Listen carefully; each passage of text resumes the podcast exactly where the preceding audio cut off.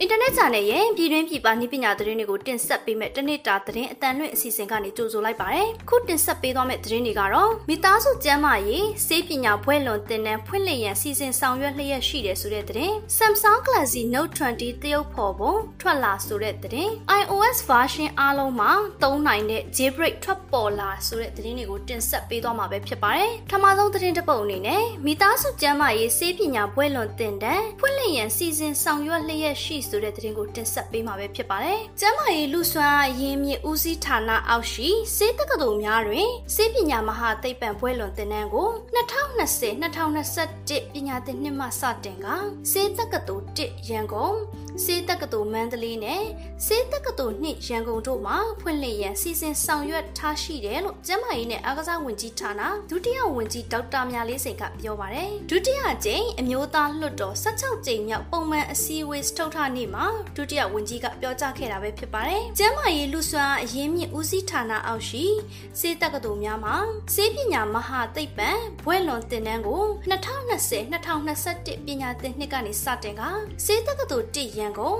စေတက္ကသိုလ်မန္တလေးနဲ့စေတက္ကသိုလ်2ရန်ကုန်တို့မှာဖွင့်လှစ်ရန်စီစဉ်ဆောင်ရွက်ထားရှိပါကြောင်း2020ပြည့်နှစ်စက်တင်ဘာလတွင်စတင်စီစဉ်ဆောင်ရွက်မဲ့ဘွဲ့လွန်စေပညာသင်တန်းတွေနဲ့အတူရှောက်လွှာခေါ်ယူခြင်းကိုဆက်လက်ဆောင်ရွက်ရန်စီစဉ်နေပါကြောင်းဒုတိယဝန်ကြီးကပြောကြားခဲ့တာလည်းဖြစ်ပါတယ်။ဒေါက်တာမြလေးစိန်မှမွန်ပြည်နယ်မဲဆန္ဒနယ်အမှတ်6မှာဒေါက်တာဇော်လင်းထွန်းမေးမြန်းတဲ့ကျန်းမာရေးနဲ့အားကစားဝန်ကြီးဌာနအနေနဲ့ပြည်သူလူထုကျန်းမာရေးကိုပုံမထိရောက်စွာဆောင်ရွက်ပေးနိုင်ရန်ပြင်ပအထွေထွေယောဂကုဆရာဝန်များတက်ရောက်နေသောဒီပလိုမာသင်တန်းတွေကိုအဆင့်မြင့်ပြီးမာစတာဘွဲ့သို့တိုးမြင့်ပေးရန်အစီအစဉ်ရှိမရှိမေးခွန်းကိုပြန်လည်ဖြေကြားခဲ့ခြင်းပဲဖြစ်ပါတယ်။ဆက်လက်ပြီး Samsung Galaxy Note 20တရုတ်ဖော်ပုံထွက်လာဆိုတဲ့သတင်းကိုတင်ဆက်ပေးမှာပဲဖြစ်ပါတယ်။ Samsung Galaxy Note 20တရုတ်ဖော်ပုံနဲ့ဗီဒီယိုလေးတွေထွက်လာပါတယ်။ Samsung Galaxy Note 20ရုပ်ပုံကိုရရှိတဲ့သတင်းအချက်လက်အခြေခံရေးဆွဲထားတာပဲဖြစ်ပါတယ်။ဒါကြောင့်အတိမပြုတ်နိုင်သေးပါဘူး။ပုံတွေက Samsung Galaxy S20 Ultra နဲ့တော်တော်ဆင်ပါတယ်။ Galaxy Note 20ဟာဓာတ်တွေကစတူယန်ပုံသဏ္ဍာန်ရှိပြီးတော့အရွယ်ပုံမကြီးမားွယ်ရှိပါတယ်။အရွယ်အစားကတော့ Samsung Galaxy Note 10 Plus အရွယ်လောက်ရှိပါတယ်။ Samsung Galaxy Note 20 Plus မှာလည်းထွက်လာနိုင်ပါတယ်။သတင်းတွေအရ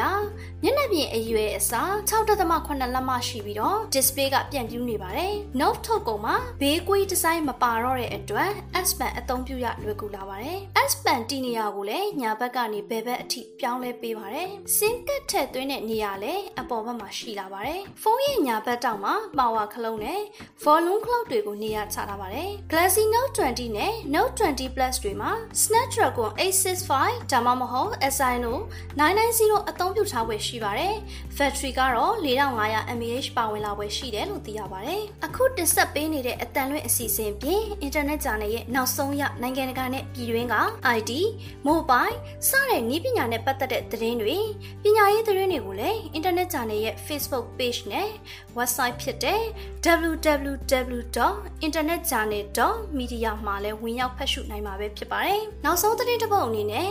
iOS version အားလုံးမှာသုံးနိုင်တဲ့ jailbreak ထွက်ပေါ်လာဆိုတဲ့သတင်းကိုတင်ဆက်ပေးမှာပဲဖြစ်ပါတယ်။ Uncover ဆိုတဲ့ hacker အဖွဲ့တစ်ခုကနေ iOS ထုတ်ကုန်အားလုံးအတွက် jailbreak အသစ်ကိုဖြန့်ချိလိုက်ပါတယ်။ပုံမှန်အတိုင်းဆို Apple က iPhone နဲ့အခြား iOS ထုတ်ကုန်တွေမှာသုံးစွဲသူကိုအပြည့်အဝထိန်းချုပ်ခွင့်မပေးထားပါဘူး။ jailbreak ကတော့ iOS operation system တွေကအားနည်းချက်ကိုသုံးပြီးတော့ဖန်တီးထားတဲ့အတွက်တည်တံ့ software ဖြစ်လာပါတယ်။ဒါကြောင့်သုံးစွဲသူကထုတ်ကုန်ကိုအပြည့်အဝထိန်းချုပ်ပြီး root access ရရှိပါမယ်။ Uncover အဖွဲ့ကနောက်ဆုံး jailbreak software version Uncover 5.0.0ဖြန့်ချိလိုက်တာဖြစ်ပါတယ်။အဲ့ဒီ version က iOS ထုတ်ကုန်အားလုံးအတွက်အသုံးပြုနိုင်ကမကြသေးခင်ကထွက်ထားတဲ့ iOS v30.5 မှာလည်းသုံးစွဲနိုင်ပါတယ်။သတင်းတွေအရ Uncover 5.0.0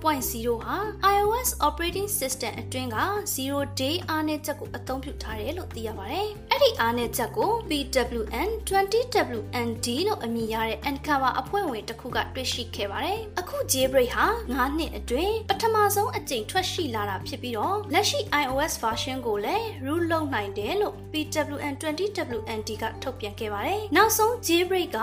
2014နောက်ပိုင်းမှာထွက်ရှိခဲ့တယ်လို့သိရပါတယ်။အခုတင်ဆက်ပေးသွားတဲ့သတင်းတွေကတော့နိုင်ငံတကာနဲ့ပြည်တွင်းမှာရရှိထားတဲ့နည်းပညာသတင်းတွေကို internet channel ကနေတင်ဆက်လိုက်တာပဲဖြစ်ပါတယ်။အခုလို COVID-19 ဖြစ်ပေါ်နေတဲ့ကာလမှာပြည်သက်တွေအနေနဲ့လည်းကျန်းမာရေးနဲ့အားကစားဝန်ကြီးဌာနရဲ့လမ်းညွှန်မှုတွေနဲ့အညီလိုင်းနာဆောင်ရွက်ကနေထိုင်သွားလာဖို့တိုက်တွန်းလိုက်ပါတယ်ကျမကတော့ဦးဝေမြင့်မို့ပါ